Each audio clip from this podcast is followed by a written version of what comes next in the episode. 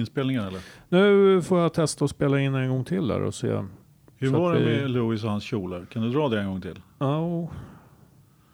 Nej men vi var väl inne på Joakim Bonnier. Alltid Stilig pojk. Stilig pojk. Vet du varför han har skägg? Hade skägg? Ja men det var ju ärr efter den olyckan. Se, fan du har koll. Jag har ju läst boken. Ja just det, det står i boken. ja. Just det. Jajamän. det tänkte jag inte på. Ja. Ja. Nej men eh, alltid oerhört välklädd. Eh, en, en stilatlet utav Guds nåde. Och eh, ja, jag menar vad har vi då? Vi har Hamilton som eh, tramsar omkring i kjolar.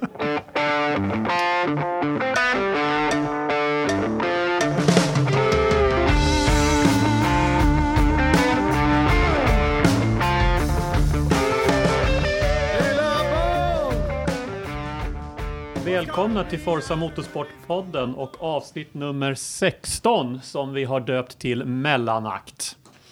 Och vi är en lite decimerad panel den här gången. Eh, förutom jag själv och vi ska presentera oss för nya lyssnare, om vi har några nya lyssnare.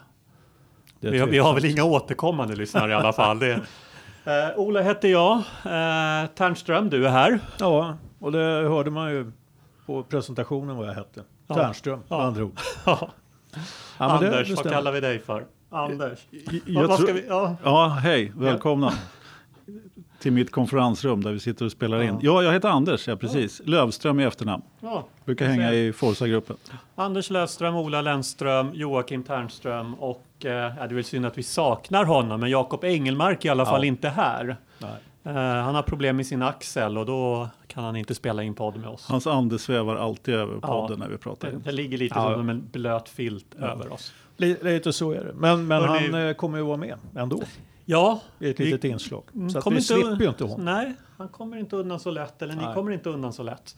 Vi har lite grejer att prata om, det händer ju saker idag. Som alltid så väntar de med de stora avslöjanden tills vi är redo att spela in. Jajamän. Ja, det är riktigt. Så efter att vi kunde prata om Alonso medans han meddelade sitt beslut. Så idag fick vi veta att Kimi lämnar Ferrari och går till Sauber. Det ska vi prata om. Leclerc, Le, Leclerc, Leclercen eh, lämnar Sauber och går till Ferrari. Det ska vi prata om. Vi ska vi prata lite om Singapores GP i helgen. Eh, Det är bra. Vi har väl en tråkig årsdag. Ronnie Pettersson är 40 år sedan han dog idag. Så det lär vi beröra och gå in på också. Och sen har vi som alltid saker som vi inte har planerat att säga som vi ändå säger på något vis. Ja. Det är väl ungefär det som står på agendan. Och vädret. Och vädret. Det är lite som protokollet av övriga frågor, den blir alltid längst. Ja, exakt. Men jag tror faktiskt vid, att... vid ett dåligt planerat möte så är det så. Ja. Ja. Och det är lite så som våra poddavsnitt är. Men jag tror att det som kommer att bli längst idag, det var faktiskt det som eh, vi fick veta runt lunchtid idag. Eh, Ferrari lyckades besluta sig ändå och plockar över Leclerc, Leclerc, Leclercen till eh, Ferrari nästa år. Och Kimi får lämna. Men det mest överraskande i det, det är väl att Kimi ska gå på ett tvåårskontrakt till Sauber Ja. sluta cirkeln. Um, vi har ju varit inne och liksom lite grann spekulerat det utifrån att man, vad som helst kan hända i år i silly season, men eh, det här var ju, för mig var det här jätteoväntat. Att Kimi faktiskt skulle välja att köra, eller välja, men att han inte skulle gå i pension, utan han kör två år till i Formel 1 i Sauber.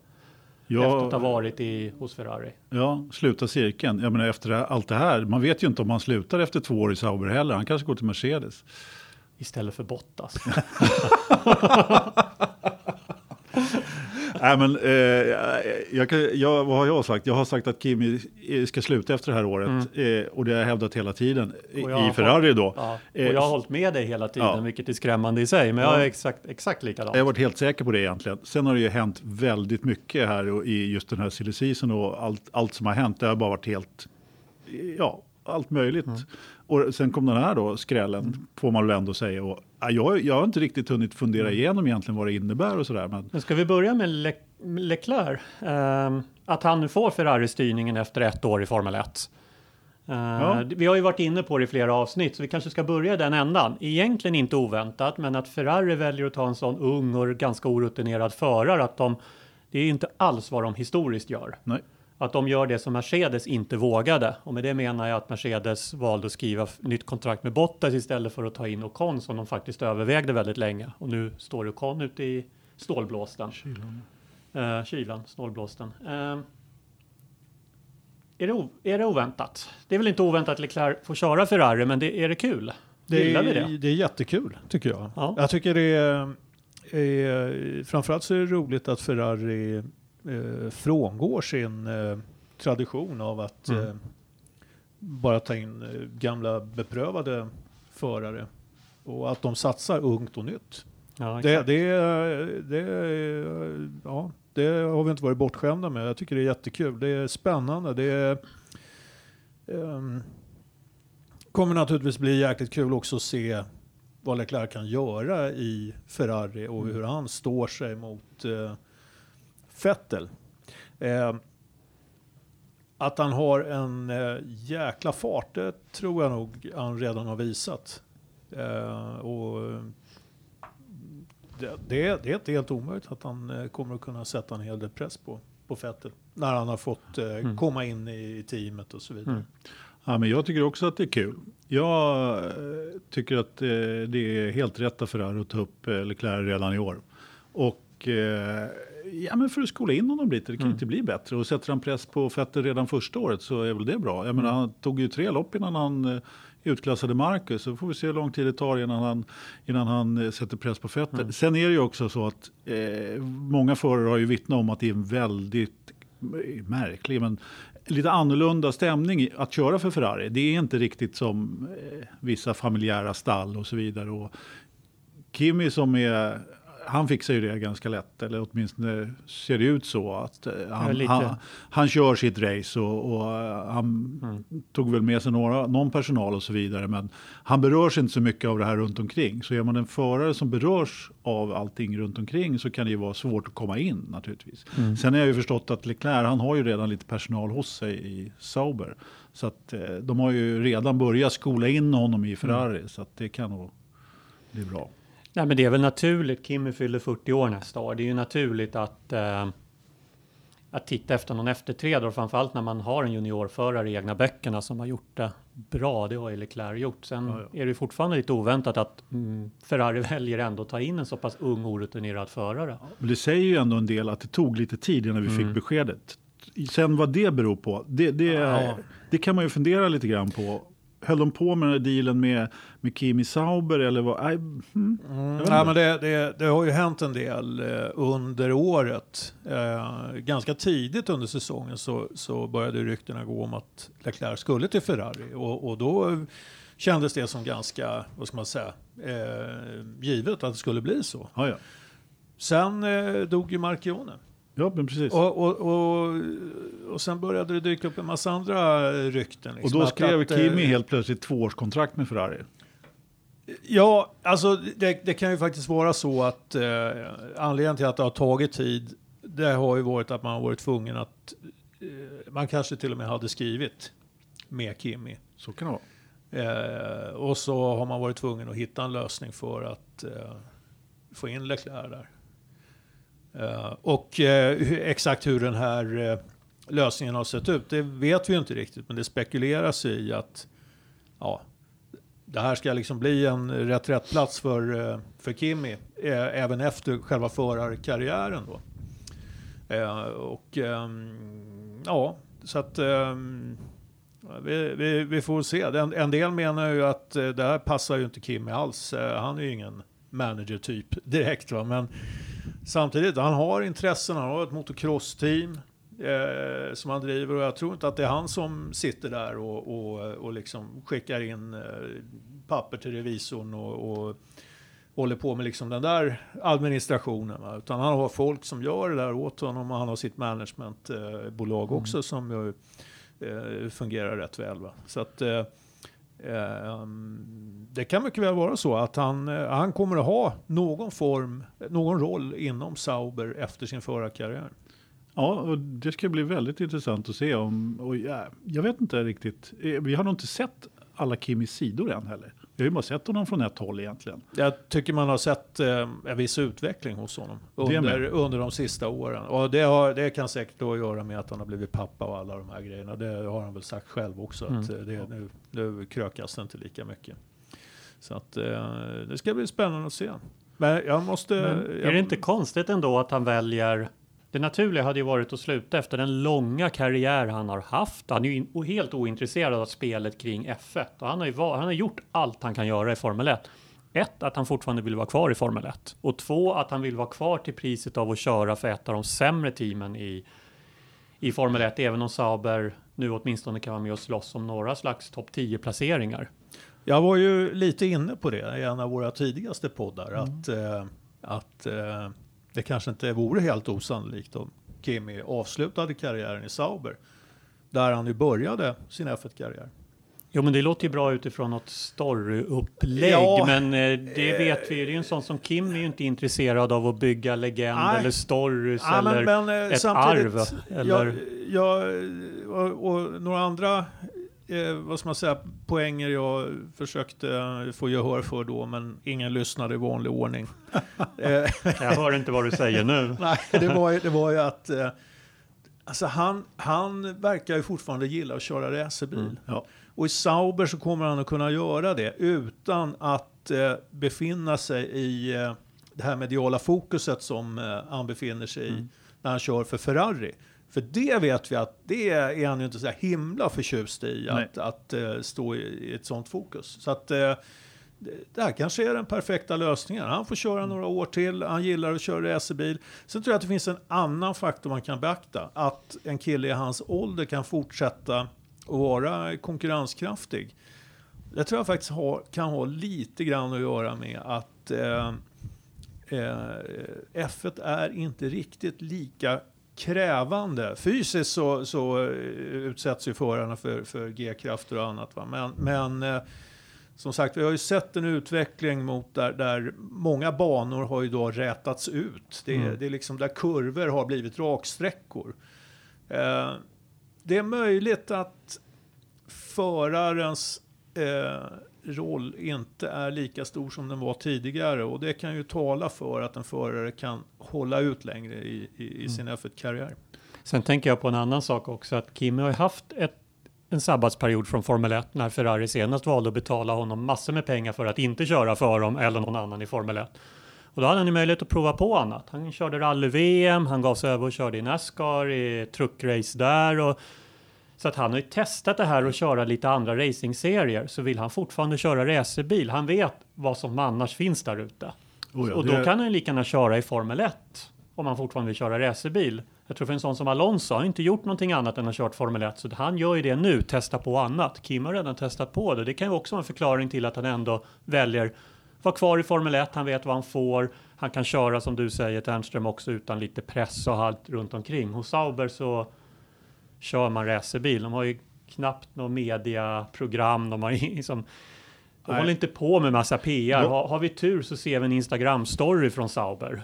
Det är inget PR-jobb runt omkring. Nej, men han är ju en gåta på något ja. sätt. Ja, För mig så var det här, en, jag trodde aldrig, aldrig att han skulle avsluta Nej. sin karriär i Sauber. Men eh, uppenbarligen så hade man ju fel, helt mm. klart. Men jag tror det där du sa. Att man, de, man och man.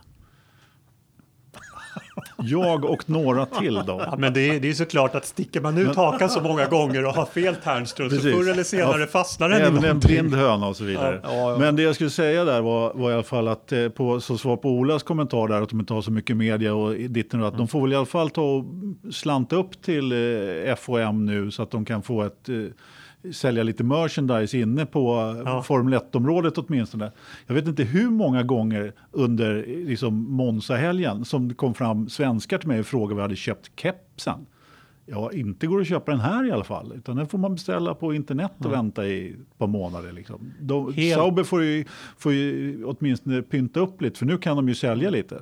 Helt oväsentligt i det, men ändå som en kuriosa kommer jag ihåg. Jag tror du var med i Italien när jag köpte en Minardi, Mark Webber Minardi-keps på en lokal bensinmack 20 mil från banan. Det kommer jag ihåg. Den kepsen har jag fortfarande kvar. Ja. Ja. Men det, du är inne på någonting intressant där faktiskt. Och, och det är ju... Eh, och, och, och det där, där eh, är det väldigt lätt att underskatta. Men alltså Kimi är ju en av de mest populära F1-förarna. Jag tror den alltså undersökningen en, som gjordes så var han den populäraste. Ja, och, mm. och det finns en enorm kommersiell potential i detta. Mm. Och där kan man också se det lite grann som att eh, ja, man får från eh, Ferrari, från eh, ägarhåll så att säga, försöker att stärka upp eh, Sauber, Alfa Romeo ännu mer. Så kan det vara. Mm. Absolut. Mm. Ska vi, ska vi ta en liten annan vinkel på det här eh, när vi funderar på vad det här förarbytet. Vi har ju ett inlägg från vår kollega Jakob. Låt höra. Ja, men det är absolut. Vi, eh, vi sätter på här ett ögonblick. Hej kära lyssnare och poddpanelskollegor. Eh, Jakob från Västerås här. Tyvärr kan jag inte medvara på plats vid inspelning. Det är min Axel som inte riktigt vill gå åt rätt håll. Men det är inget synd om mig och vi struntar i det. Eh, jag tänkte komma med ett litet instick här till podden och det slog ju ner en liten bomb idag och det är det här med Frarri och Kimmy och Sauber. I och för sig kanske ingen bomb att Kimmy lämnar Frarri under säsongen, men att han går och skriver tvåårskontrakt med Sauber tycker jag i alla fall, det var, fanns inte på min, på min radar. Jag funderade över det här faktiskt i morse innan nyheten kom ut mycket, hur man resonerar i Ferrari och jag tycker själv att jag är någonting på spåren, eller jag vet i alla fall själv hur jag har resonerat kring det. Jag tror att Ferrari har tänkt så här under senaste veckan. Vettel kom 2015 till Ferrari och gjorde en jättebra säsong. Han vann tre lopp i en bil som de inte hade några större förhoppningar på. Körde ifrån Kimi ganska bra. Allt var frid och fröjd. Fettel var då väldigt tydlig, tror jag, har varit under åren med att han vill ha Kimi som stallkamrat. Han ställer inte till något problem, han bråkar inte och han är lite lagom nära honom tidsmässigt också. Plus att de är bra kompisar. 2015 blev 2016. Fettel åkte mest runt och svor i sin hjälm hela tiden, vann inga lopp tror han blev förlåten för att bilen inte var riktigt så bra som han hade tänkt. 2017 vet alla hur det slutade. Ja, Kim knep en pool, men det var nog frid och fröjd i, internt i stallet. Men Vettel körde bort VM-titeln i vad många tycker att han hade en bil då som skulle klarat av att vinna VM. Jag tror Ferrari nu senaste veckorna fick bekräftat och bestämde sig att eh, Vettel är inte den killen som kan vinna VM-titlar med oss, så varför ska vi hålla på och gå hans ärenden och ha kvar en 40-årig finsk förare som är mycket populär i stallet? Ehm, så de chansar helt enkelt med Leclerc. Personligen så har jag, jag har hela tiden trott att Kimi skulle bli kvar ett år i Ferrari, men sett till det resonemanget som jag har nu så låter det ganska logiskt. Det jag tror Ferrari gör nu helt enkelt, det är att de betalar säkert Kimmys lön här i, Sauber, det är jag helt säker på, eller en del av lönen. Eh, och har honom lite som backup beroende på hur det går för Leclerc och för Vettel. Personligen är jag ganska ensam om att ja, Leclerc är jättebra, han har gjort jättebra resultat, men jag är, känns som jag är den enda som är lite försiktig att utnämna honom till att han ska bli en ny storförare. Men det jag tror att Ferrari är ute efter det här, det är att de tror på Leclerc, han är snabb, han kommer sätta press på Vettel, Vettel kommer bli grinig, men det spelar inte dem någon roll nu för att Vettel har ändå inte lyckats leverera de två sista säsongerna vad de betalar han för att göra. Eh, vad betyder det här då för, ja, det kan mina poddkollegor fortsätta att diskutera. Det skulle ju faktiskt vara en dröm att ha, ha Kimmy och Marcus i samma stall i Sauber. Personligen tycker jag det är jättekul att Kimmy prestigelös som han är väljer sig att sätta en Sauberbil antagligen för att han älskar att köra bil och göra det fort. Uh, och jag tycker det här blir en jättebra värdemätare för Marcus också att få köra mot Kimmy nästa säsong. Och jag tror absolut att det här kommer boosta Formel 1-intresset i Norden. Det kommer bli helt galet här uppe om de får köra i samma stall. Men det ni kan diskutera nu lite eller resonera kring. Som vanligt så kommer ni säga att jag har fel men ni kan i alla fall resonera. Tror ni lite att tankegångarna har gått lite så som jag resonerar? Vettel har visat att han inte kan köra hem VM-titeln. Varför ska vi gå hans ärenden och göra det mysigt med, med att ha Kimme som stallkamrat? Uh, så vi sätter lite press med honom med Leclerc nu. Låter inte det rimligt? Vad säger ni?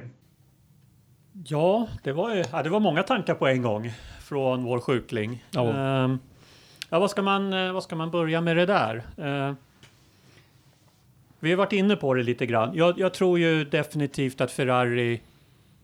Ferrari vill ju hitta en ersättare till Kimi helt enkelt för att eh, Kim har varit där länge och han är 40 år gammal och allt det där. Så det är dags att göra någonting nytt och jag tror att eh, eh jag som stort Vettel-fan måste ju ändå vara väldigt besviken i år och förra året där han har gjort misstag som gjort att han har kastat bort chansen till VM på ett sätt som jag tycker att det kan man inte det, man, man, kan kräva mer av en förare av Vettels kaliber och med Vettels lön och så vidare.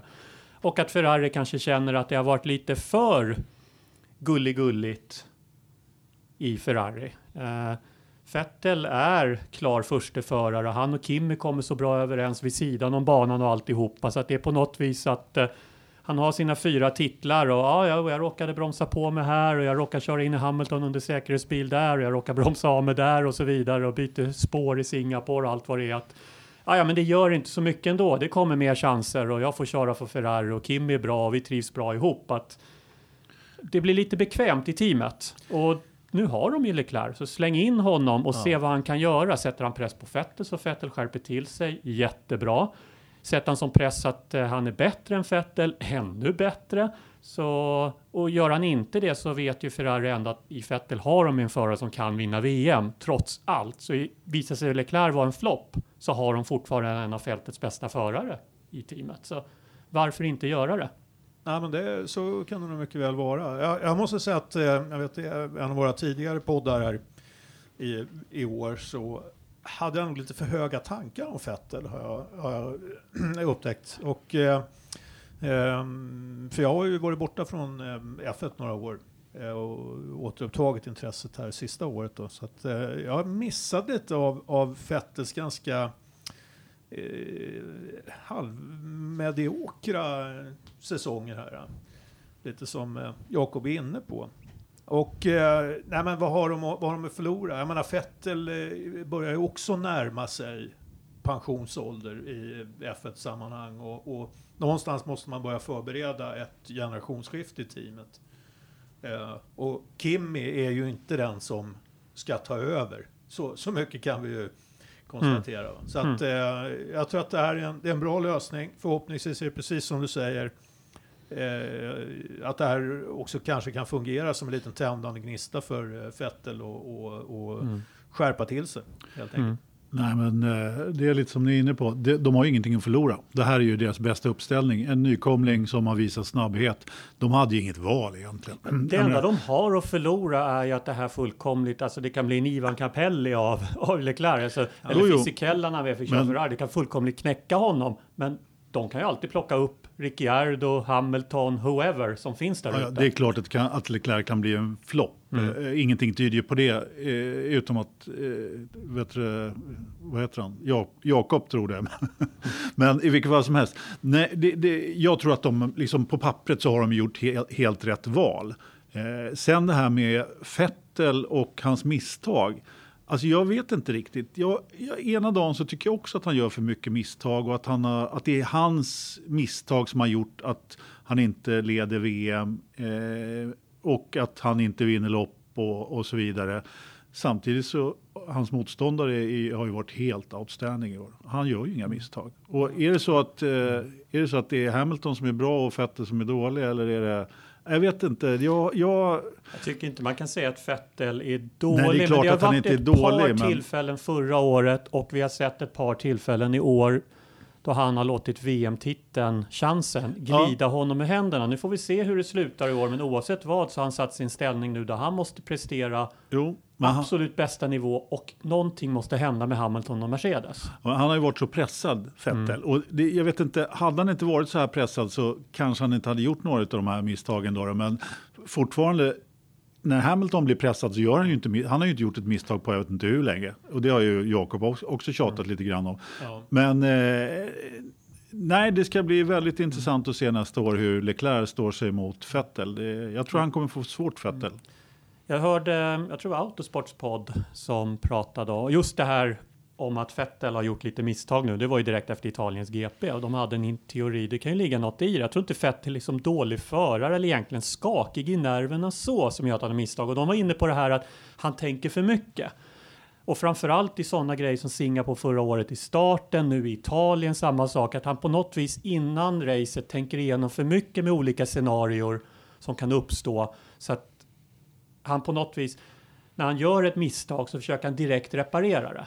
Istället för att istället för att konstatera nu är misstaget gjort, nu får jag se till, nu får jag se vad jag ska göra för att reparera det här, så ska han justera det på en gång. Han behöver vara lite kyligare. När, ja, lite när, har... när Hamiltons bil gick sönder på kvalet så reparerade ju han det. Mm. Så jag menar, eh, dagen efter i loppet, och nu var ju det en dag, dag efter i och för sig, men det är precis som du säger. Jag tror också att han, han hetsar in i situationerna för mycket. Han, Jag tror han har tänkt igenom för många olika scenarier så han kommer till loppet med huvudet alldeles sprängfyllt av om det här händer så kommer jag agera på det här sättet för att göra så gentemot det och så vidare. Och sen spricker planen. Just och det. då Ja. vet han inte vad han ska göra. Precis. Alltså jag tror Monza var lite ett sånt eh, exempel. Där Ja. han liksom, ge, fan, ge, ge upp placeringen liksom. Mm. Och, och, eh, liksom. Han hade alla jävla chanser att att, eh, ta Hamilton. Och eh, eh, om inte annat så hade han haft en pallplats. Så att nu har han kastat bort en, en eh, given pallplats och en eh, seger i Tyskland. Och så- det, det, det är för mycket poäng. Alltså. Så vinner man inte VM.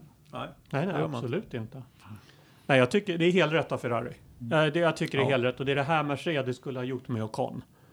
Eh, som de inte vågade. Jag tycker det är helt rätt att Ferrari, och det är kul att Ferrari för en gångs skull inte plockar de två ordinarie, säkra, etablerade korten Ja. i fältet och betalar dem en kvarts miljard om året för att köra. Utan nu plockar man upp och tar en chansning på en ung förare. Men Red Bull har gjort det med framgång tidigare till exempel. De har visat att det går att göra om man ger dem rätt förutsättningar. Jag hoppas nu att Ferrari också ger Leclerc rätt förutsättningar. Om man får det motigt i början, att han inte blir nedsablad av den italienska pressen och att Ferrari-teamet skyddar honom från det. Ja, absolut. Jag, jag tror, eh, alltså vad gäller Vettel så undrar jag också om det inte kan finnas någon sån här, eh, alltså han är inte riktigt, eh, eh, alltså rent psykologiskt så undrar jag, han, alltså Ferrari har ju haft svårt att leverera vinnarbilar med, med någon kontinuitet. Mm. Och, och, och många säsonger här så tycker jag det, det, det är ju sällan de har startat som det liksom den,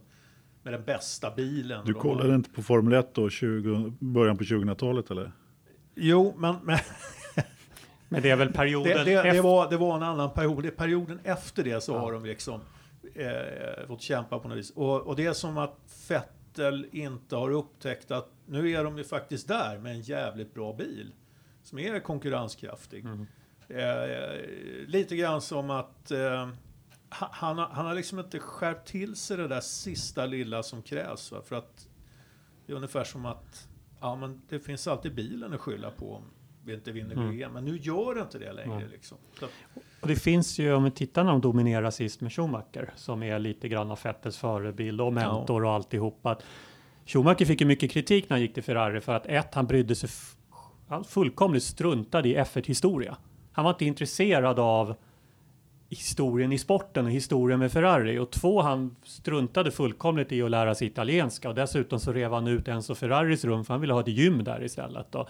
Alltså, för han gick bara in och få det där och vinna, bygga teamet ihop med alla andra i team och så vidare. Jag tror Fettel, han har ju, han, han har ju den här Ferrari-romantiken. Han gillar ju Formel 1-historia, han gillar Ferraris historia. Han är ju Ferrari-fan som nu får köra för Ferrari och så vidare och lär sig italienska. Han är glad att vara där på något vis. Jag undrar om man kanske är, saknas det här lilla extra att eh, Ja, men att, som du säger, han kanske inte ser hur bra bilen är nu för att han kör en Ferrari. En Ferrari är alltid bra och kul att köra för. Det är ju alltid stor skillnad att jaga som han har gjort under, rätt, eh, under flera år nu, eh, den bästa.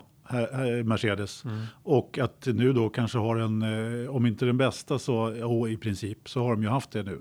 Och, och då vara ledare och, och le- leverera när man har den bästa bilen. Samtidigt, det är ju det är ju därifrån han kommer.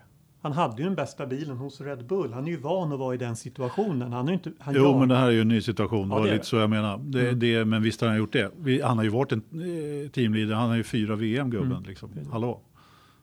ja. Mm. Ja, men det, det är som sagt, just att det är en annan situation också. Mm. Gå från Red Bull till Ferrari. Två, säkert två helt olika kulturer. Mm. Ja, Och eh, det är inte helt jädra omöjligt att det, det även sätter sig lite grann på självförtroendet. så kan det vara. Så kan det vara. Även om han verkar väldigt stabilt, stabil eh, psykiskt så. jo, men, han verkar det, men det är ju nästan så att jag ibland tycker att han verkar eh, rätt, egentligen rätt oengagerad och lite loj, liksom sådär. Alltså inte... Eh, ja, men han är ju inte sådär jättepå vid sidan av liksom. Men det, Vem det är han ju å andra sidan inte så intresserad av. Han, vi ser honom inte i sociala medier och sådana saker. Så att eh, det, det, det kan vara det också. Mm. Men, men eh, vad, vad, om man ska se, nu har vi kollat på det här ur Ferraris perspektiv, om man tittar på det ur Saubers perspektiv och, och Marcus Eriksson. Var hamnar vår vän Marcus? Här? Ja, innan det så skulle jag ju bara det här med att Kimi kör för Sauber. Mm.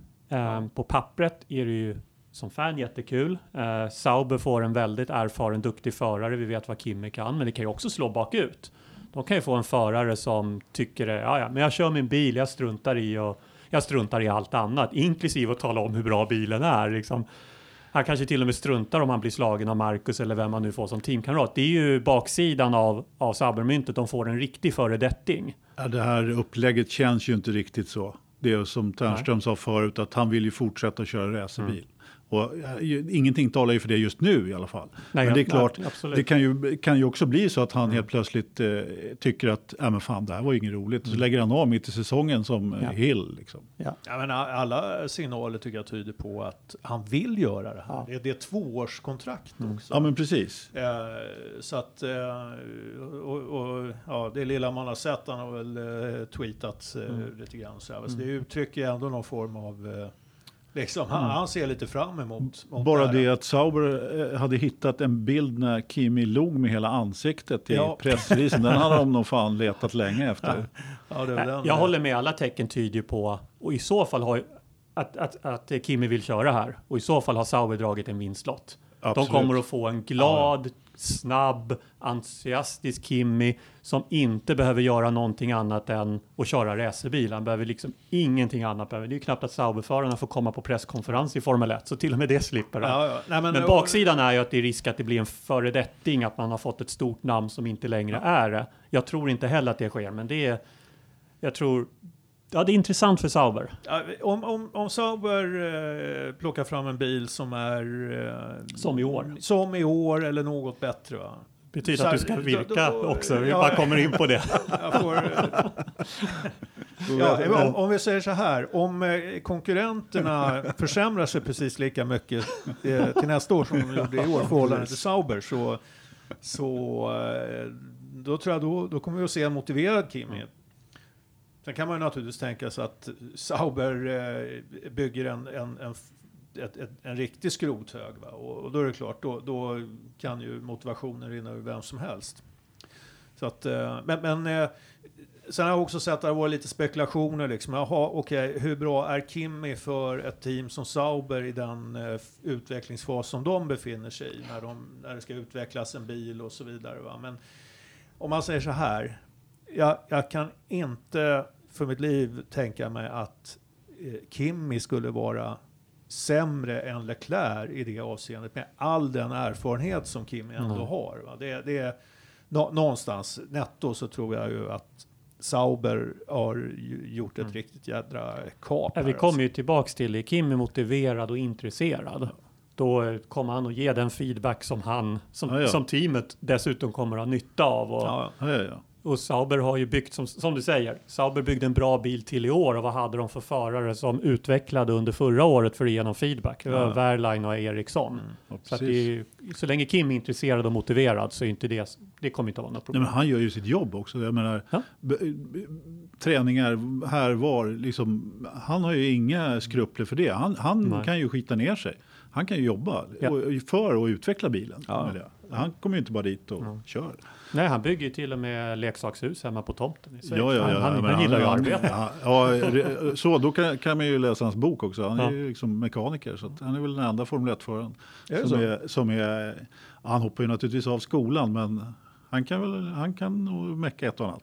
Det tror du? Ja. Ja, det, Ja, jag är rätt bra. säker på det faktiskt. ja, ja, för fan. Nej, men han... Eh, Vad betyder det här för Marcus Ja, då? Den ständiga precis. frågan vi ställer i varenda avsnitt numera. Nu ytterligare en vinkel på det. Vad betyder det här för Marcus? Vi har ju tidigare resonerat om att i det här Sauber-teamet så är det två plats, förarplatser. När Monisha drev teamet en gång i tiden så var det tre förarplatser minst.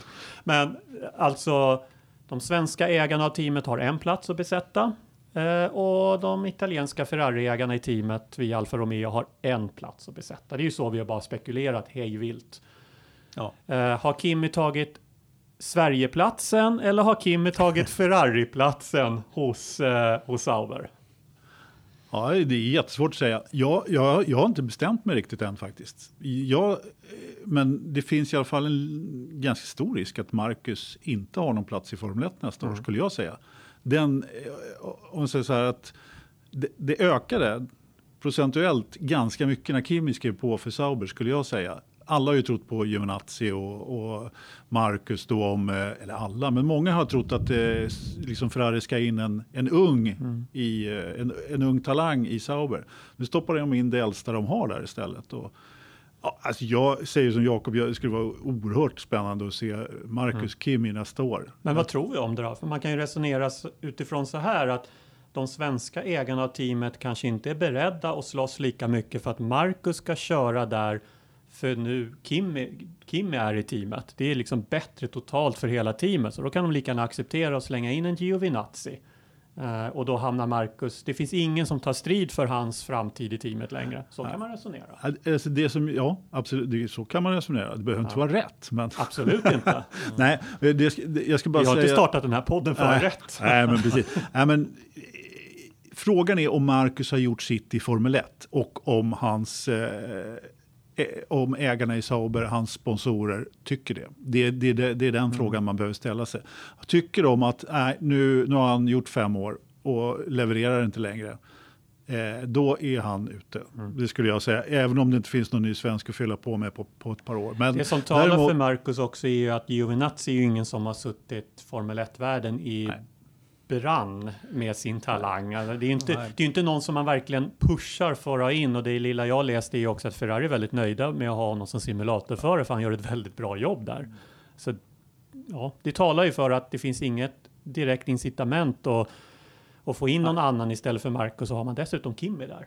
Ja, kan lika gärna ja, fortsätta ett år till. Det är väl lite Alltså, att, att Kimmy tar den ena platsen kan ju tala både för och emot mm. eh, Marcus. Eh, nu, har man, nu har man liksom en, en, eh, en vad ska man kalla det för, known quantity, en känd faktor i Kimmy som man sätter i bilen. Eh, som man vet är kapabel. Eh, och det öppnar ju möjligheter att plocka in någon som inte kanske är lika erfaren. Precis. Eh, eller som är ett oskrivet kort. Så, så att... Eh, eh, men, men, samtidigt så... När man, när man tittar runt så har ju egentligen alla, alla rykten runt Marcus och, och hans framtid i F1 eh, och vem som ska sitta i den andra sitsen i, i Sauberbilen de har ju på något sätt eh, ebbat ut lite grann. Va? Så de flesta eh, signaler tyder på att Marcus blir kvar där på något sätt. Det, det finns inga andra riktigt sådana där uh, vassa spekulationer om att någon annan är, är på gång. Det är ju van Dorn som, har, som det har varit snack mm. om. Mm. Och han, är ju, red, han är ju redan klar för Sauber med din, med din tanke om att dementerar man något så är det klart. eh, exakt, ja. så att men man, man ska ju ha fel någon gång också. Nej, vad fan. Alltså, jag, jag, jag, tror ju, jag har sagt förut också att jag tror att om eh, Marcus levererar här på höstsäsongen så har han en chans att vara kvar mm. i Sauber. Vi skulle ju gå ifrån då att, eh, alltså snacka om riktmärke för Marcus. Jag menar, han har ju haft då stallkamrater som eh, nykomlingar i F1 och det, det, kan man ju se på lite olika hur det har gått mot, mot dem. Och men han har ändå stått upp bra mot uh, Wehrlein och Nasser på, ett, på ett sätt. Och, sen och med Kimmy kan han uh, alla möjligheter att fortsätta sin trend och aldrig slå en teamkamrat över en säsong. nu är inte den här säsongen eh, klar än, men allting tyder ju på att Leclerc kommer ju att poängslå Marcus rätt bra i alla fall. Men mm. det vore ju väldigt intressant att se de där två mot varandra skulle jag tycka i alla fall. Ja men absolut. Nej, men jag, jag tror det skulle kunna bli fantastiskt mm. bra. Mm. Det skulle vara kul. Det skulle vara jättekul Spännande. att se, alltså som svensk och nordbo och att vi alla gillar Kim. Och en sak ska vi ju vara helt säkra på, det är att Kim han underskattar ingen. Nej. Ja, det, Nej. det gör han Nej. inte. Nej, men eh, jag skulle gärna se Marcus slå Kimi. Det vore intressant. Det skulle jag hålla tummarna för, det kan jag ju säga. Eh, Sen om jag tror att han skulle göra det, det är kanske en annan femma. Men, eh, men jag hoppas i alla fall. Men där har, där, där har ju snackat om att Marcus hamnar i en situation där han verkligen har allt att vinna och inget att förlora. Oh, ja. Men ingen kommer ju förvänta sig att Kim eller Marcus någonsin ska kvala ut Kimmy. Så gör han det bara en gång, gör han det Ja. två gånger så är det ju 10 plus i autosportsbetyg och alla de där. Samtidigt, han, han, han måste ju, eh, han måste ju slå Kimmy. Jag menar, om det ska bli ytterligare ett år. Alltså jag vet Mm, inte hur, eh, Jag vet hur, hur länge han ska kunna köra utan att verkligen tvåla till ett eh, riktigt bra namn. Alltså. Ja, han gör sin femte säsong i år. Ja. Det, är, det är en bragd i sig Ja. Ja, ja, utifrån det- eh, vad, vad som har levererats. Fem säsonger i GP2. ja. Fyra. Fyra var det Mm, det, kanske. det Ja. kändes som fem säsonger. Nej, men eh, alltså, vi kan ju diskutera Marcus eh, karriär, hur fram och tillbaka på längden och tvären och så Det gör vi när vidare. han slutar. Han har, han har ju trots allt gjort en del bra saker. I år kan vi ju vara överens om att han har gjort en del dåliga saker också.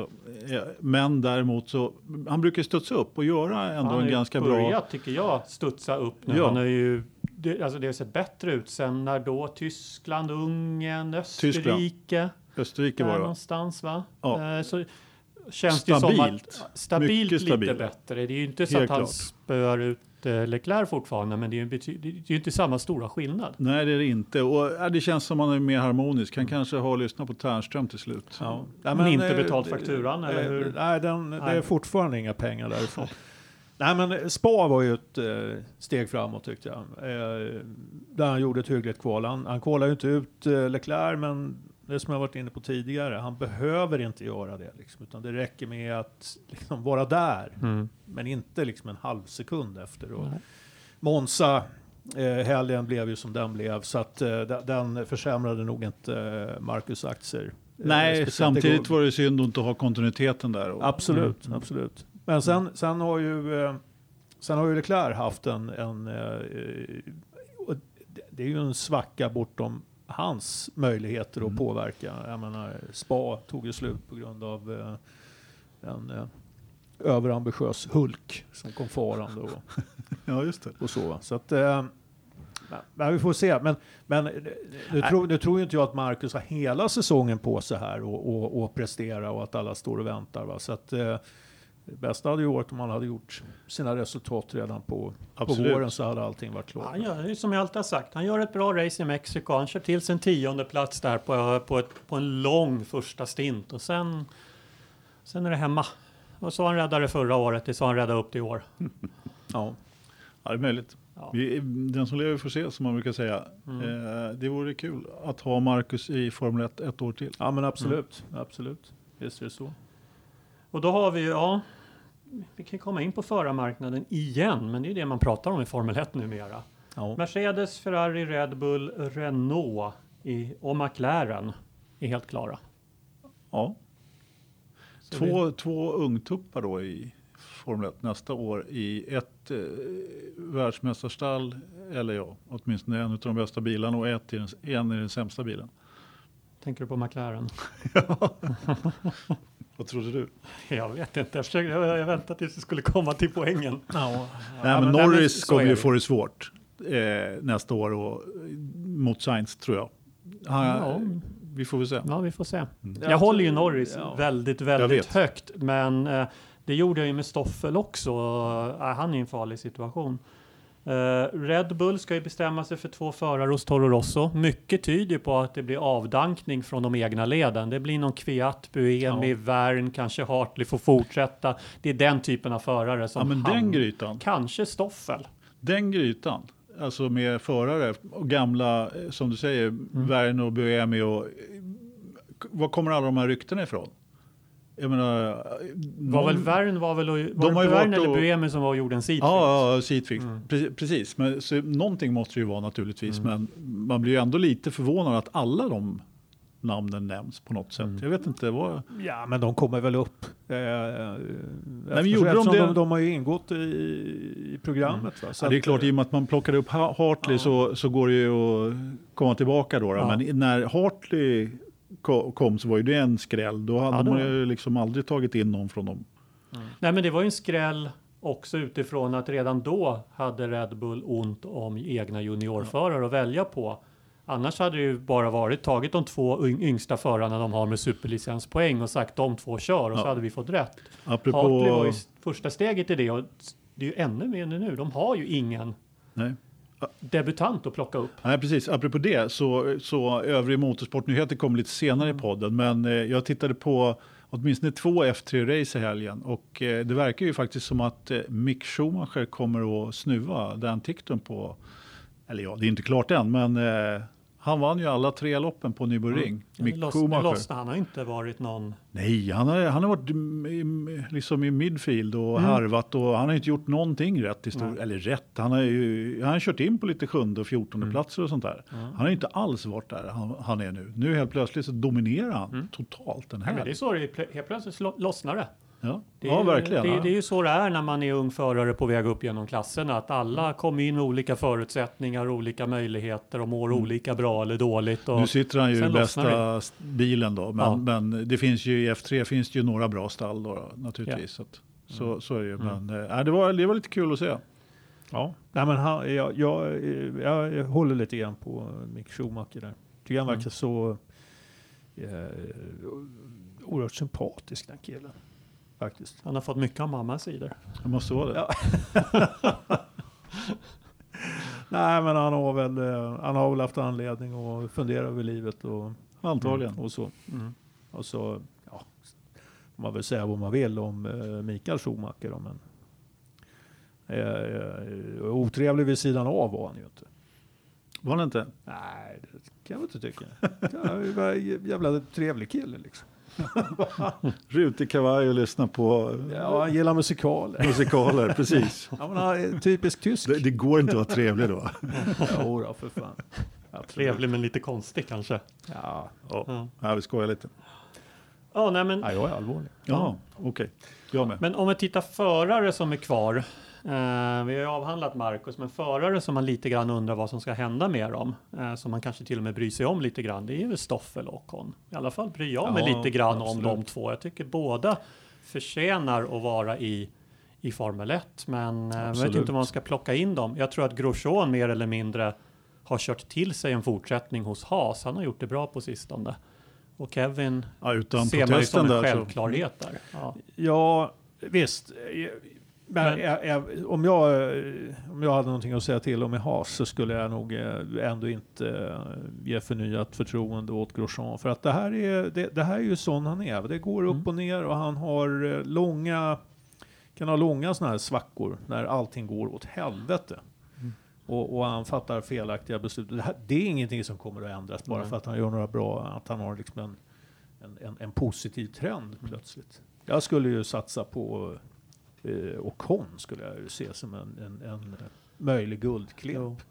Ja, Jag är, lite, jag är ju lite mjuk där. Det räcker med att jag lyssnar på eh, när F1s egna podcast intervjuar Romain Grosjean så blir jag lite förtjust i honom igen. Jag tycker han verkar vara en himla fin kille. Nu ska han få fortsätta köra. Jag, jag kan avsky Hamilton hur mycket som helst. Så Ja, lyssnar ja, jag på ja. honom i en sån podd och tycker fan jäkla trevlig kille det där i alla fall. Så Ja, nej, ge Grosjean en chans till. Ja. Nej, men jag, jag, Men jag håller med dig. Det är ju så. Alltså, Det Ja. här är ju det man får. Ja, ja. Ja, jag vet inte, jag skulle nog... Eh, jag, jag är lite inne på din linje där Ternström, men samtidigt så har... Ja, killen har ju levererat nu ett tag alltså. Ja, ja. Och, men minnet är ju kort. Eh, här, vi, någon på, för några poddar sedan så satt vi och... Ja, vi hade ju spikat igen hans kista i princip. Ja, men den var det sänkt. Ja, ja, det skulle ja, bara det skyffla liksom- över jorden. Den hade vi Ja. kört in i ugnen. Ja. Ja. Redan. men, eh, nej men vad fan. okej. det, det, det, ja, var, men det var är vi inte så. överens om. Jag trodde vi skulle gräva ner, inte kremera. Men okej, det kanske vi... Ja. Ja. vi får diskutera Ja, det ja. vidare. Nej men det, det som sagt. Det går upp och Mm. ner för den killen och det kommer Mm. fortsätta göra det. Så Mm. att vill man ha en eh, förare som levererar på hög nivå eh, kontinuerligt så är inte Grosjean den, den föraren. Nej, men där har ju Ocon, han har ju verkligen levererat Ja. just kontinuerligt. Och eh, man får ju då också hoppas och tro att eh, eftersom han är så pass färsk så har han ju fortfarande en hel del utvecklingspotential. Japp. Och det vi har sett av honom är ju också att han har ju en positiv utvecklingstrend. Absolut. Mm. Så att fan, den, den killen, den skulle jag satsa på. Mm. Ja, men det är frågan om Mercedes släpper honom, om det är det som Ja. krävs för att sån som Haas ska ta honom. Vågar Mercedes släppa honom, tänk om och så vidare. Ja, jag vet Nej, inte. det är ju politiken där också såklart. Mm. Eh, har vi slut på lediga platser nu? Ja, det det tycker vi, jag. Vi har avhandlat silly season så mycket. Ja. Ehm, Det är lite silly silly season. Ja, verkligen. Ehm, en annan sak, det är, jag hoppar lite friskt här. Men det är på. 40 år sedan idag som Ronnie Pettersson dog. Ja, Det stämmer. jajamän. Jag kan ju säga, och det ska vi väl beröra lite grann. Eh, för min egen del så har jag ju, jag sa det innan vi började spela in här idag, jag har egentligen noll och inte ett relation till Ronnie Pettersson. Jag var sju år gammal när han gick bort och det var först ett par år senare som jag började intressera mig för motorsport och Formel 1. Så att det är som min relation till Ronnie Pettersson är ungefär som min relation till Jim Clark. Man har läst allt, man har sett allt, vad man har kunnat se och höra och inse att det är en, var en för jäkla duktig förare. Hålls ju väldigt högt än idag, men jag har ju ingen relation till Ronnie Pettersson som förare. Jag har relation till många andra förare som jag följt sedan jag började följa sporten. Vad säger ni? Ja, vad ska man säga? Ja, men, eh, jag får nog säga att jag har en, eh, en sån här relation med Ronnie Pettersson. För det är nog egentligen den enda eh, vad ska man säga, idol som jag har haft i livet. Och, och som jag fick väldigt tidigt. Eh, ja, redan på 60-talet då när han körde F3. Eh, och eh, så, så att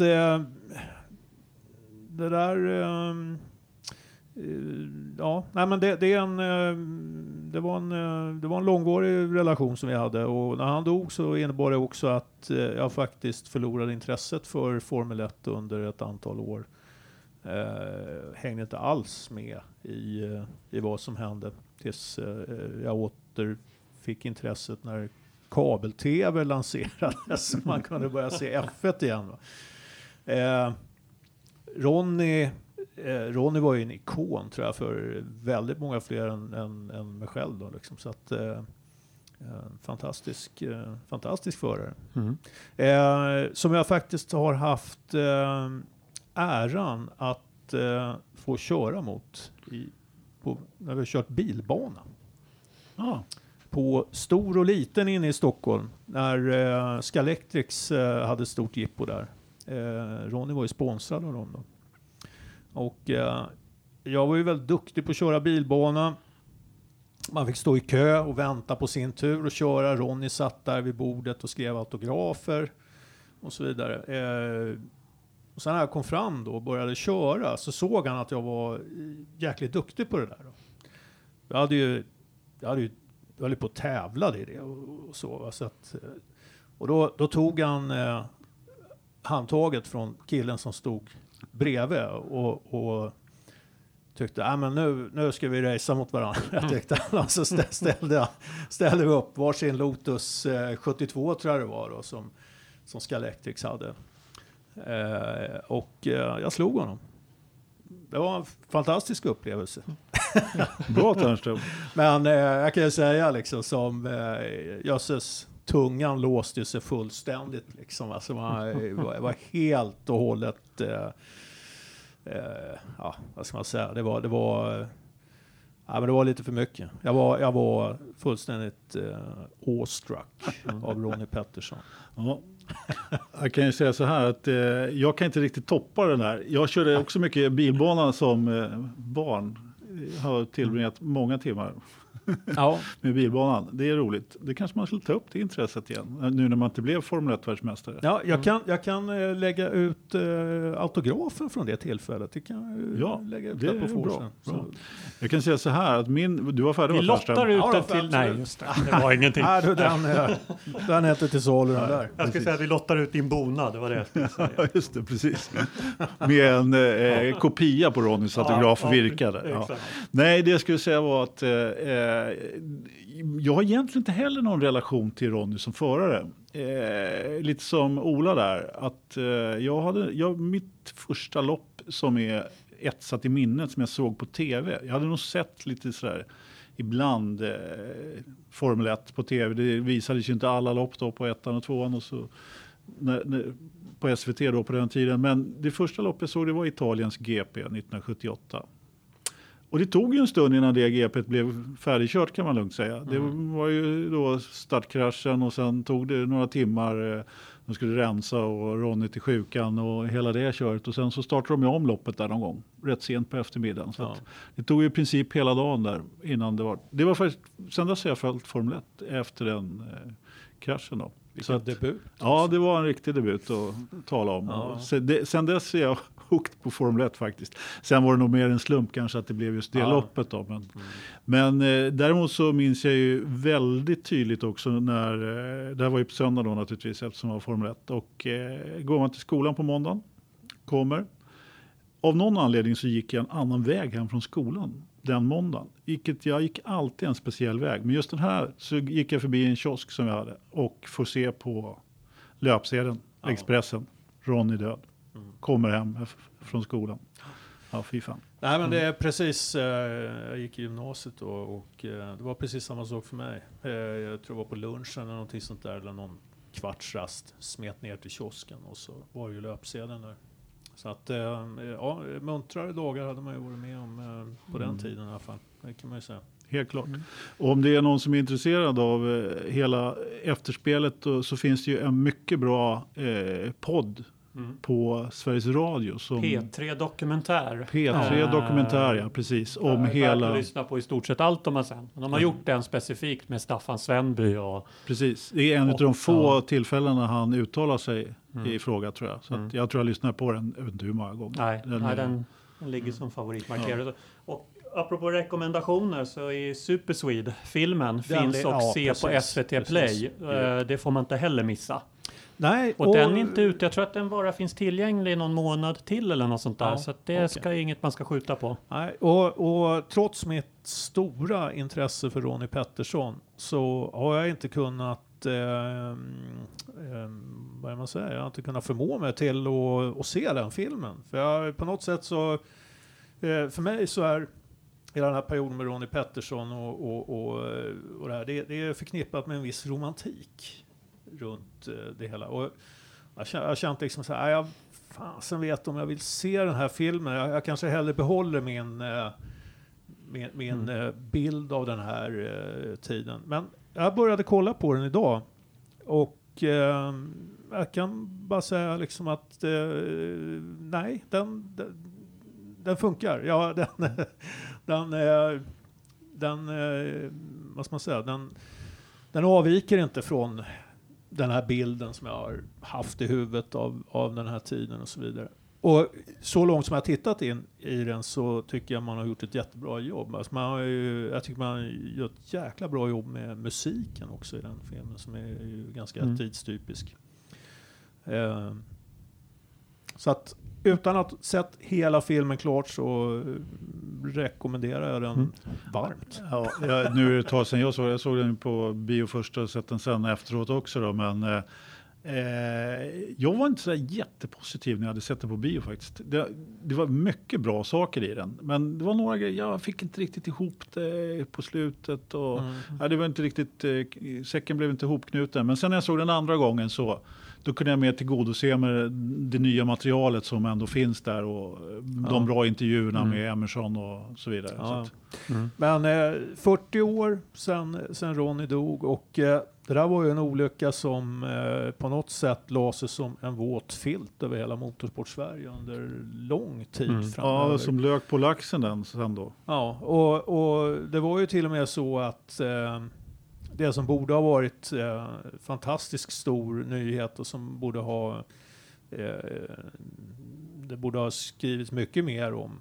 Det var ju, det var ju eh, Lövis eh, F1-karriär. Mm. Jag kunde ju känna att det, det, det fanns ett motstånd Ja. Oh ja. mot att följa honom. Oh Det ja. var, ju där, och, det var ju eh, där jag kom in med mitt F1-intresse. Det var ju tidigt 80-tal och nej men man, det var ju teknikens värld man fick eh, skaffa för att kunna läsa om Löfves. Jag har ingen minne av att man läste det i några dagstidningar eller Nej, direkt. Nej, det var direkt avhandlat på. Sportspegeln. Så Ja. det var, det var verkligen, det fanns inte. Ja, men det var när de var i eh, vet du, Sydafrika så var det en arg artikel på en Ja, hel sida av exakt. Steffo i Expressen. Det, var, det var på den Ja. nivån. Ja. Ja, det, det, det var inte alls någon rapportering på den eh, nivå som det egentligen låg på. Jag menar att en svensk eh, kör för Ferrari, alltså det är ju Nej. oerhört stort. Eh, Ja, ja. och, eh, så att eh, efterdyningarna av eh, Ronnys olycka där, det fick vi ju leva med ganska länge. Ja, men i och med att Gunnar gick och dog också på Ja, ja. sen, Ja, så, så var ju motorsporten var ju död Mm. i princip. Ja. Så att, eh, ja. Men eh, en... Trots det, eh, ja, men det var ju tack vare Ronne, för vi hade ju många duktiga svenska förare ute Ja, oh i ja. generationen Ja, kring och strax efter Stefan. Men vi hade Stefan Eje Älg, Anders Olofsson, Mm, Thomas Danielsson. Thomas Danielsson, absolut. Ja, vilka, ja det finns ju Det finns flera. finns många där. Ja, men det, det var en väldigt stor skara svenska racerförare som Steven körde Antskär var väl internationellt. också en av de här som Just det. var ute och körde Mm. internationellt. Men eh, Men sporten dog lite grann. sporten dog Eh, lite grann. Eh, det som lever kvar är ju minnet av, av Ronny och det är ju bara att konstatera att det minnet eh, lever ju kvar eh, i minst lika hög utsträckning internationellt som, Ja. som det gör hos oss här i Sverige. Verkligen, Mm. verkligen. Jo, men han är ju där uppe bland legenderna i sporten. Absolut. Eh, som namn och som Ja, personlighet men det pratas ju alltid när man gör såna här listor Ja. om de bästa som inte Mm. har vunnit VM och Mm. hela det ja. kittet. Ja. Nej, men han, eh, och det, det finns ju ett kort fantastiskt klipp i den här filmen. Det kommer ganska tidigt. Eh, när Ronny kör sin eh, march där, sin röda march och kommer med ett ställ som är något så brutalt alltså. Så att, ja, vi fan, jag bara satt och garvade när jag såg det där. Men, eh, nej, men han var han var, han var ju en, eh, han var ju en mycket bra förare. Eh, hade kanske då problem enligt, eh, enligt de som visste med att eh, ställa in bilen och, och så vidare. Att han inte hade det, kanske den tekniska förståelsen för hur en bil eh, skulle fungera. Finns de som menar att eh, det, det är nog överdrivet. Att, eh, han var nog lite bättre än så. Då. Men han eh, hade ju kanske lite otur med sina, eh, med sina val av team. Mm. Han, eh, Det där berörs ju också i den här dokumentären, Ja. i P3 Dokumentär. Staffan Svenby låg ju bakom. Och det var ett tag sedan jag lyssnade på den nu, men jag vill nog fortfarande minnas att han säger någonting i stil med att eh, det var ju han som var med och gjorde de här valen och han Ja. lyckades väl pricka fel varenda gång. han var, när, Det när han var så var rådgivare av Ja. vad man skulle välja för team. Ja. Han var duktig med det kommersiella, kanske enligt Ronny egen utsago, mindre duktig på att välja rätt team vid rätt tillfälle. Ronny var inte riktigt intresserad. När de satt och, någon förhandling där och sitter han och tittar Mm. ut genom fönstret bara. Han har inte ens hört vad de säger när de försöker förhandla om. Han Nej. tänkte väl på akvariefiske eller något annat. Ja, men Sen han- var ju här en tid i Formel 1 när det kunde skilja väldigt mycket från säsong. Nu är det ganska lätt ändå Ja. att säga att Ja, ja. vilka är teamen man vill vara i om man vill vinna race nästa säsong. Vi kan ganska lätt säga att Ricciardo kommer ha ett mycket tuffare år och vinna race nästa år än vad han har i år med sitt stallbyte. Men Jo, då ja. kunde man ju välja teamet som vann tre, fyra race i år. Men nästa år så kan de inte ens eh, vara i närheten av en poängplats. Alltså Nej, det svängde så precis. mycket då. Det var, det, det var ju helt annorlunda än vad Mm. det är idag.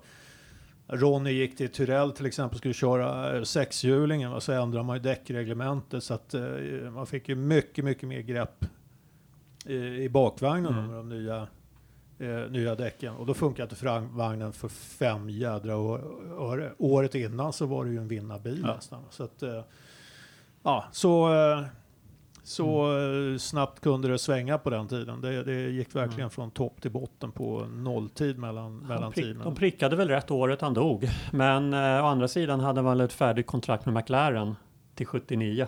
Jaha, Så Så det att, var ju eh, anledningen till att han inte fick reservbilen på Monza. ja. Att han, eh, Colin sa väl det. Kör du för mig nästa år så får du Marios reservbil. Mm. Men han hade ju ett handslag på McLaren till nästa år så Mm. ja, fick han köra en gamla. Ja, men alltså den där säsongen där, Ronny var ju fasen mig, eh, jag hade ju en känsla av att han skulle ta Mario faktiskt. Mm. Eh, att han hade en bra chans att ta hem titeln där, 78. Men så blev det inte. Nej. Mm. Mm. ja, Vad vad har bra. vi mer att prata om? Singapores GP. Ska vi nämna någonting om det? Ehm, om man ska göra lite förutsägelser inför en GP-helg och då, inte, då struntar jag fullkomligt i vem som vinner och vem kommer tvåa och tar poäng. Så och vad annars händer så En lågoddsare är att vi någon gång under helgen ganska tidigt får höra att det är helt fantastiskt att de jobbar på nätterna och sover på dagarna och vänder på dygnet för nu är de i Singapore och det är nattrace. Det brukar vara en sån där klassiker. Ja, ja. Här vi käkar frukost klockan 10 på kvällen för det är så man gör här nu när vi kör nattrace här. ja. Ja, nej men Lewis vinner väl. och- Jag vet inte vad jag ska svara på det. Nej. Hamilton vinner och, Försöker bara få igång er på Singapore. och Verstappen blir tvåa och eh, Ricciardos bil går sönder och eh, Kimi blir tre. Och Vettel, han kör väl in i något som vanligt där. Och redan på fredagen får vi höra att det är helt fantastiskt att de eh, vänder på dygnet. Eh, Jag vill inte släppa den, jag tycker den är lika löjlig varje gång. Det är väl sista gången som det körs, eller sista kanske inte, men det är, de har ju inget kontrakt för nästa år på i Singapore. Eller blev det ett år till? Eller hur var det där? Jag vet faktiskt inte. Jag Det skulle vara det sista i alla fall, men eh, nu presenterades ju kalendern här eh, för prata, bara prata någon väg. Jag försöker prata hela tiden. Men, och visst, det blev ju i stort sett samma lopp eh, 2019 som 2018, så det måste ju ha blivit en förlängning av Singapore då. Eller vad säger du Ola? Har du hunnit leta fram Nej, det än? Eller? Prata på, säg, säg någonting så ska Ja. jag leta upp det här. Jag har det här. Ska Nej, men eh, det som kan bli lite intressant eh, här. Vet vi någonting om vädret förresten i helgen? Eh, Det brukar alltid vara risk för regn i Singapore, men eh, jag kan inte riktigt komma ihåg där- att det regnar så ofta nej, där. Men det är ett sånt där ställe på planeten där när det väl brukar regna så brukar det regna ordentligt. Ja, jo. liksom, så att, Det kan ju bli ett riktigt skyfall. Ja, men jag vet inte, det, alltså vi är ju inne i en fas av säsongen där en del team har ju så att säga gett upp kanske ambitionen att eh, utveckla eh, sin bil så himla Ja. mycket mer. Va? Eh, Utan det brukar vara de som är involverade i titelfighten som, som går, fortsätter att gå Och- all in. Va? Så att, och har eh, råd. och har råd. Så att, eh, jag vet inte, Red, Red Bull eh, ger jag väl inte för stora chanser. Det- känns lite grann som att de har eh, ja, gett upp årets säsong lite grann. Samtidigt så brukar de vara bra på den typen av banor. E exakt. Men, eh, men eh, jag tror kanske inte att de kommer att, att vara riktigt så konkurrenskraftiga som de har varit tidigare under året. Det är möjligt. Ehm, nej men sen, eh, sen blir det naturligtvis spännande att se. Eh, hoppas ju att Sauber kan, kan visa framfötterna igen. Jag, jag skulle gärna vilja se både Leclerc och Marcus köra ett helt race. Och någon gång under säsongen så vill jag se dem ligga på samma däckstrategi. Så att vi verkligen kan liksom jämföra racepacen. Så, så att... Eh, ja, men, eh, eh, annars, va, det, jag menar, det är ju givet, det, det är Mercedes och Ferrari som kommer att, att göra upp om det här. Och, eh, ska bli kul att se om Kimi är i fortsatt eh, lika bra form som han har varit tidigare. Inte bra för Vettel om, om eh, Kimi klår honom i kvalet igen. Nej, det vore ju lite intressant. Helt klart. Jag gillar ju Singapore som bana, den är ju ganska intressant. Eh, lite osäker på Saubers form där efter debaclet i Italien, men man hoppas ju att de har hittat tillbaka till, eh, nu är det här en helt annan typ av bana, så att det Absolut. med andra utmaningar Ja, ja. och så vidare. Men Ja. Jag, vet, jag är trots det lite osäker på formen där, som, som trots allt har varit uppgå, uppåtgående för hela, Mm. hela året där. Men ja, det vore kul att se, som du säger, och om vi kan få en liten eh, stint med Leclerc och Marcus på likadana däck. Mm. Ja, men Enligt det- norrmännen på YR som man alltid kan lita på, för de sa att det skulle regna på Rudskogen i helgen och det regnade och var kallt och trist där. Så ska det vara inget regn i Singapore i helgen. Och Men Singapore är med på kalendern nästa år. Så Men ligger jag inte känner du- att jag har gjort min uppgift lite Ligger grann. inte Rudskogen i Norge? Regnar inte jämt där? Det, Jo, jo. det kan inte vara så svårt att förutspå. Med. Nej, nej, nej, det är den sista Sovjetstaten. Ja. Så det, är, det, är, det är regn och elände där. Men hur gick det med kalendern? Ja, men jag sa ju precis det. Är Singapore med 2019? Ja. Ja. Jag, känner att jag har gjort mina två uppgifter. Får Ja. jag gå hem nu? Tveksamt. Ja. Vi, Ja. vi har en kvar sen. Nej, men eh, ett annat team som jag är lite nyfiken på som eh, ju eh, tappade den fina farten från eh, Spa till Monza. Det var ju Force India. Mm. Och de, hade, de gick in eh, till, till Monza med, med förutsats att de skulle ju vara med och, och, och slåss i toppen där. Men det, det, Mm. de var ju långt ifrån där. Så jag vet inte riktigt vad som hände. Alltså. Det kan man fråga sig faktiskt. Ja. Ja. Nej, men, eh, nästa fråga är ju, har eh, Haas lagt nytt golv? Ja, det får vi väl utgå från, men de har också överklagat beslutet från Monza. Ja, okej. Just det. Jag tror inte de kör med det golvet i Singapore om det inte är så att de får igenom sin, pro- sin Nej. överklagan. Nej, Det verkar, Jag vet, att det verkar var väl, nej, jag vet att det var väldigt många ljuddämpare på alla bilar i, på STCC i Rudskogen i helgen, så att eh, även fast Ja. det låg överklagan. Ja. Ja. Vad skulle jag säga? Williams, kommer de ha samma fina fart som de hade på Monza? Nej. Men, men, Alltså ja, jag är så trött. Jag var- jag är så trött på Williams.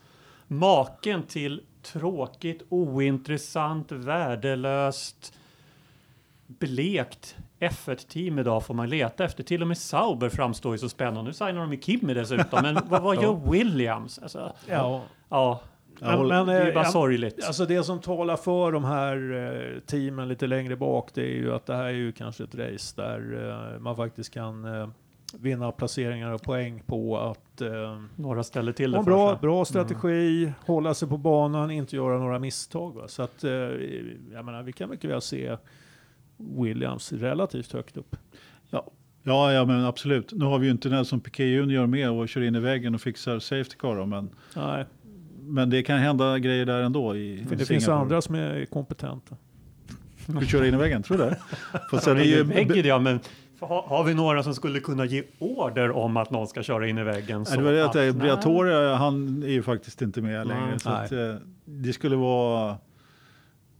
Nej. Nej, jag kan, inte komma, jag kan på rak arm inte komma på någon, nu när man vet att det kan ske. Jag kan inte komma på något team eller teamledning i, i fältet nu som Som är så... så, så eh, skruppellösa. som, Nej, nej. så Nej. fulla fiskar finns inte längre. Vilket är, är, det, är det bra eller dåligt? Jag vet inte. Jag tycker det är rätt kul med sådana där... Nej, eh, många bilar. gillar ju Ja. Briatore och sådär, men jag, jag klarar mig utan honom faktiskt. Mm. Ja. Nej, men det gör jag med. Ja.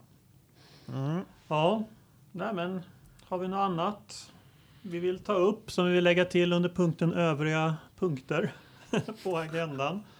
Nej, jag kommer faktiskt inte på någonting. Nej. Alltså det... det nej. Nej. Jag vet inte, övrig motorsport. Vi pratade ju lite F3 och Mick Schumacher där. Eh, Det var ju Ja. DTM i helgen också på Nürburgring. Mm. Eh, var ju ingen jättespännande affär egentligen. Eh. Joel var tillbaka i mittfältet där han Första loppet så gjorde han en eh, dålig strategi och kunde inte hålla sin tionde plats eller vad han Mm. hade. Och i andra loppet så kämpade han på lite bättre. Och här, tog väl sig i mål sexa någonstans. Ja, och du rasade lite mot Timo Glock. Eller Jag Tim Oglock. Jag skulle just komma till det. Ah, Timo Glock han gjorde ju återigen, alltså han har ju hållit sig några lopp här nu från att göra jättefula saker och raceade mot någon i, på Hockenheim i, i inledningsloppen och tyckte det var så bra att de lämnade varandra plats och grejer och så vidare. Men han förnekar sig ju inte alltså. Han bara rätt in i sidan. Han gjorde en överilad manöver in i första hårnålen. Igen. Nu blev han ju bestraffad, men stackars eh, Auer då som fick sin andra plats förstörd i stort sett. Ja. Nej, det var inte snyggt. Alltså. Han får nog parkera sin gula bil där någonstans tror jag. Men eh, Ja. du som tittade på det här, och jag måste nog faktiskt säga att jag har nog bara sett ett eh, DTM-race i år. Eh, Det börjar bara kännas mer och mer avslaget. Hela, Alltså det beror lite på med vilka ögon man ser det. Det är Ja. klart att det är avslaget, men det är fortfarande bra. Alltså gillar man att, att se bilar tävla mot varandra och köra tät racing så då är det ju, då är det ju kul att titta på tycker jag. ja. Så. Men sen om man liksom tar i Okej. hela politiska spelet och Ja, lite strategier och sådär. Så. Nej, men sen är det ju också så att i och med att de har sitt depåstopp då, på vissa banor så kan man göra depåstoppet efter första varvet i princip och köra till mål. Ja. Som eh, Green brukar göra ibland och eh, hitta på lite andra strategier. Och, Så det blir, nej, men jag tycker ändå att det fort, fortsatt tävlingsmomentet är ganska intressant om man Ja, glömmer okej. Du andra. är så himla Ja. positiv. Det är det som är felet. Ja, ja, Ja, vad fan.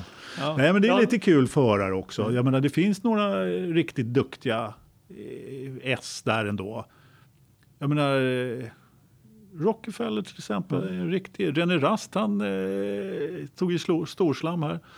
i helgen det är också. fortfarande bra förare i serien. Oh, Ja, ja, det finns många bra förare Absolut. där, absolut. Och jag menar, Wehrlein är ju tillbaka och får ju rätt duktigt med stryk. Sen vet jag inte hur mycket stall och bil gör där. Och, Mm, men eh, Mercedes har ju dominerat totalt i år och ska lägga av. Och nu helt plötsligt så går ju Rasto och vinner. Och jag vet inte hur mycket de har där med vikter och annat och, och eh, varvtal och prylar. Men eh, det är ju trots allt ganska tät. Ja, Täta tävlingar. ja. Bara- Jag var ju på, jag var ju på Rutskogen i helgen. Du tog, du tog orden ur min mun. Jag tänkte fråga hur, Ja, jag- hur det var. Ja, jag tänkte ta, jag Ja, tog, ja, jag tog bra, ordet. Ja, här får man passa på. Ja. Innan vi pratat igenom hela DTM-säsongen eller något. Ja. som hände. Nej, men jag åkte ju jag åkte ju till Norge. Ja. Fastnade inte i tullen i någon riktning. Fastnade inte hos norska trafikpoliser heller. Så bara det. Bra jobbat Sola. Tack. Annars var det blött, kallt, regnigt, rått. Jag tog fel skor så jag hade blöta strumpor båda dagarna. Eh, men det var mitt första besök på Rudskogen. Och av det lilla jag kunde se av banan eftersom pressrummet var i en depåbox och det var blött ute dessutom så man ville inte gå ut runt för mycket. Eller jag ville inte så var det ändå en fantastisk bana. Oh, ja. Själva banan var ju fantastisk. Och STCC-racen bjöd ju för en gångs skull på två riktigt bra race. Mycket tack vare att det regnade. Men det var ju jättebra race. Nu finns det som alltid obefintlig tv-sändning från det där. Men det Jag skulle ju att- säga det, det var jättekul att se på tv verkligen. Det var fantastisk galopp. det, det alltså. positiva är Ja. att de lägger ut tv-sändningen Ja. någon vecka efteråt på STCCs hemsida. Och den här gången så skulle jag nog faktiskt säga titta på det. För det var faktiskt, det var faktiskt bra racing. Det var kul Mm. standardvagnsracing utan att det var för mycket buff. Så att två bra race. Ja, alltså eh, jag slogs lite grann av ehm, vad Johan Kristoffersson sa på den ena presskonferensen där som man kunde avlyssna på STCCs Facebook. Och eh, eh, nej men han sa ju det, det är, ja, men på en sån här bana så går det, då blir det bra racing. För det finns eh, utrymme, det finns lite olika spår. Sen hade man ju naturligtvis lite, kanske lite hjälp av att det regnade också. va. Men jag tycker att det överensstämmer lite grann med de intryck jag har av TCR-reglementen när jag tittat på sändningar utomlands ifrån, när man kör internationellt på, på banor av eh, liknande karaktär som Rudskogen, det vill säga eh, banor där du kan köra i princip Formel 1 på. Liksom. Och, Mm. Normalt sett så eh, har vi ju ofta tyckt att standardvagnsracing blir ganska tråkigt på den typen av banor. Eh, Men det funkar med det här reglementet. Eh, Det finns flera spår, det går, det går liksom att slipstreama varandra och ligga nära och så vidare. Och, men vi ser, normalt sett så ser vi inte det på de svenska banorna. För där är det lite för smalt och Mm. det blir gärna lite för mycket tågåka. Det här går ju att åtgärda eh, om man eh, minskar greppet på bilarna, skulle jag vilja påstå.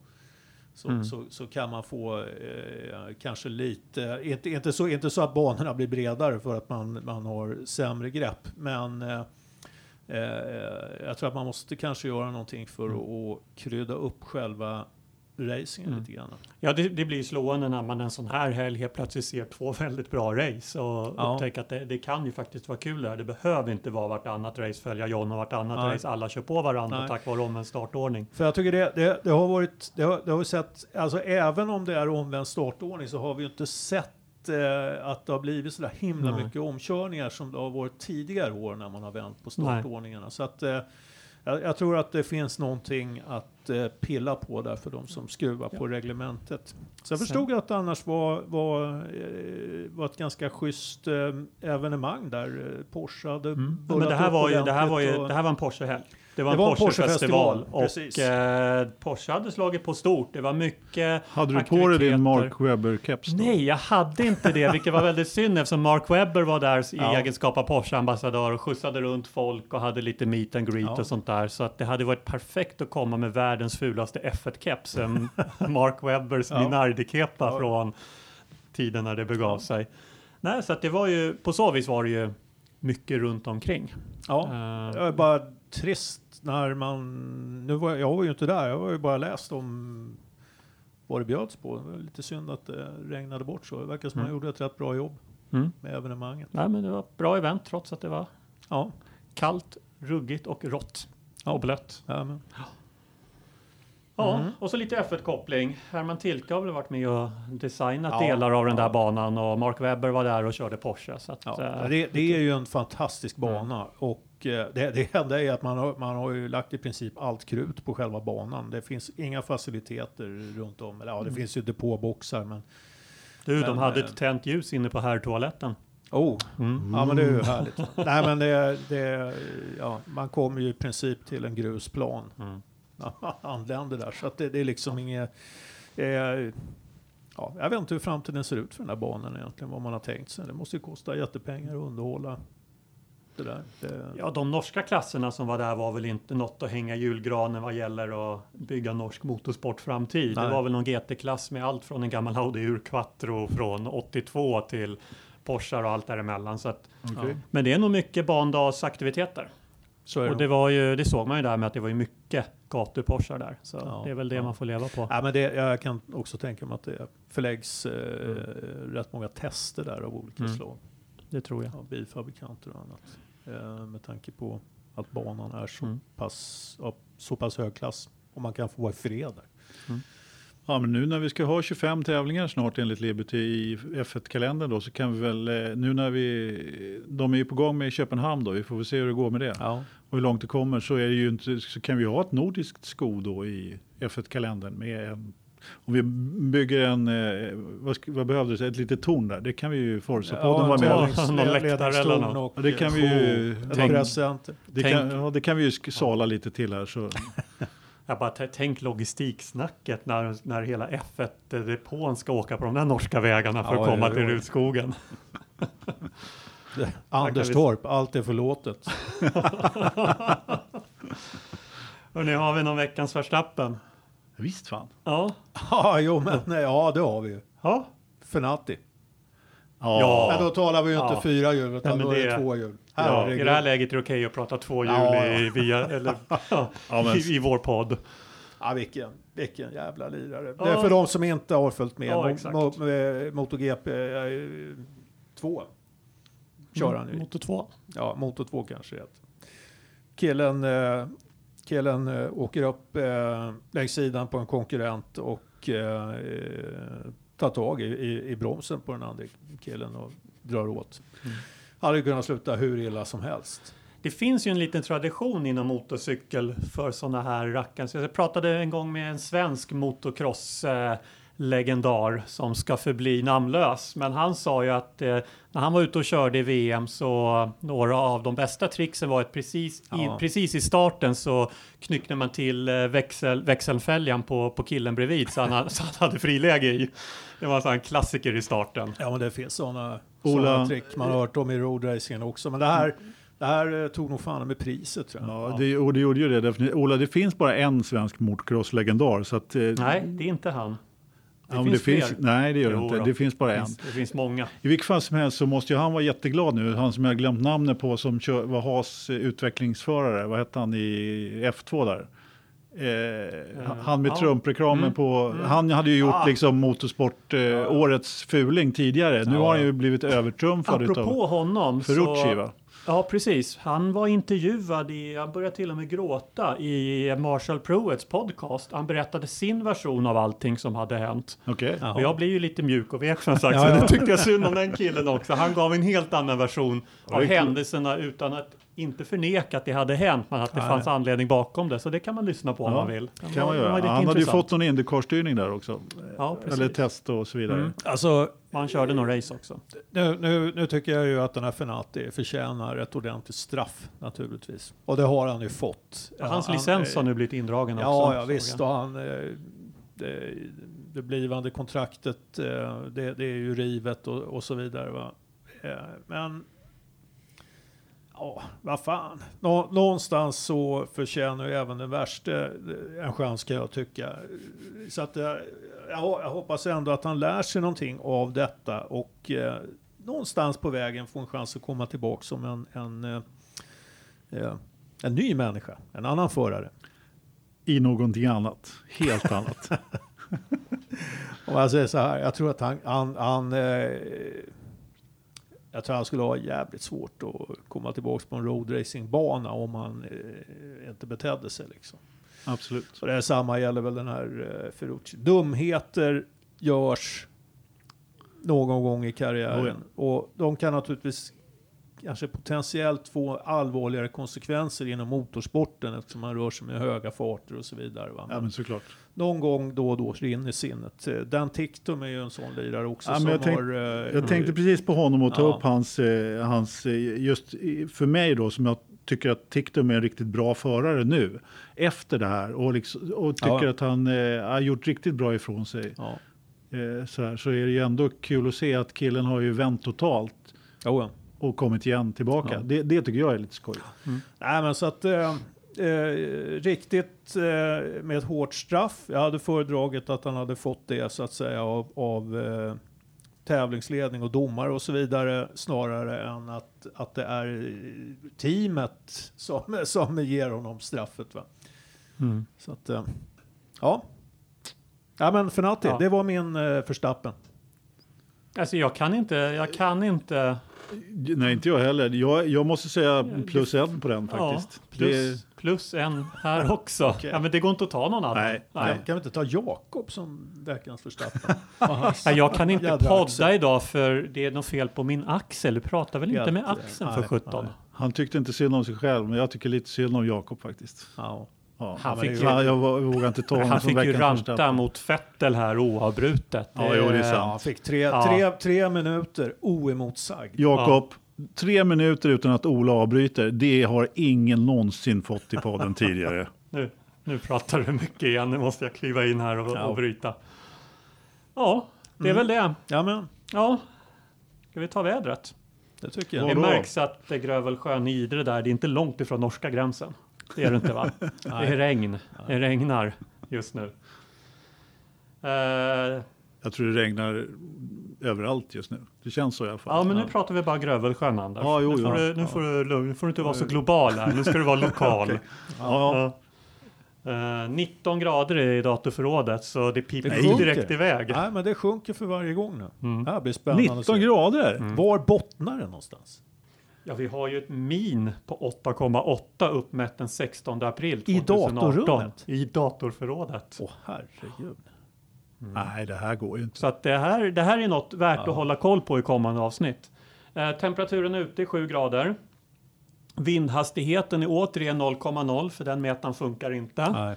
Det betyder att då har vi ingen vindavkylning Joakim Brohede. eh, fast det märkliga är att vi har faktiskt en vindavkylning på 7 grader fast vindhastigheten är noll. Okej, Okej. en meter har poppat igång eller? Ja, men det är väl för att temperaturen ute är 7 och nu ska Joakim komma med något, Jaha. Brohede Ja. komma med något mästrande här Ja. på Ja, men det är, nog, det, är, Facebookgruppen det är nog sensorn där Mm. för vindavkylningen som... Eh, 0,51 millimeter regn har det kommit på senaste timmen. Sommaren är slut. Sommaren är slut i Grövelsjön, men det, Ja. de ligger nära Norge. Det är farligt Ja, att vara nära det Det där är landet. aldrig bra att vara nära Norge. Mm. Det är straffet man får. Mm. Ja. Ja. Man flyttar dit. Barometern faller. 1002, hä- alltså det är, fort, det är alltid över ner? 1000 hästar fast den där barometern är fallande. Ja, ja. ja, så kan det vara. Kval, kvaltrim på den. Ja, Japp. verkligen. Ja. ja. Med det sagt så ska vi väl försöka se Singapores GP i helgen Exakt. och sen prata om eländet nästa vecka. Måste Ja. vi det? Ja, Okej då. ja det måste Jag vi är göra då. Vi har en trogen skara lyssnare av två. Ja, det är bra. Ja. Härligt. Bra. Tack för oss idag. Ja, men, tack ska tackar. ni ha. Hej. Ha det bra. Hej.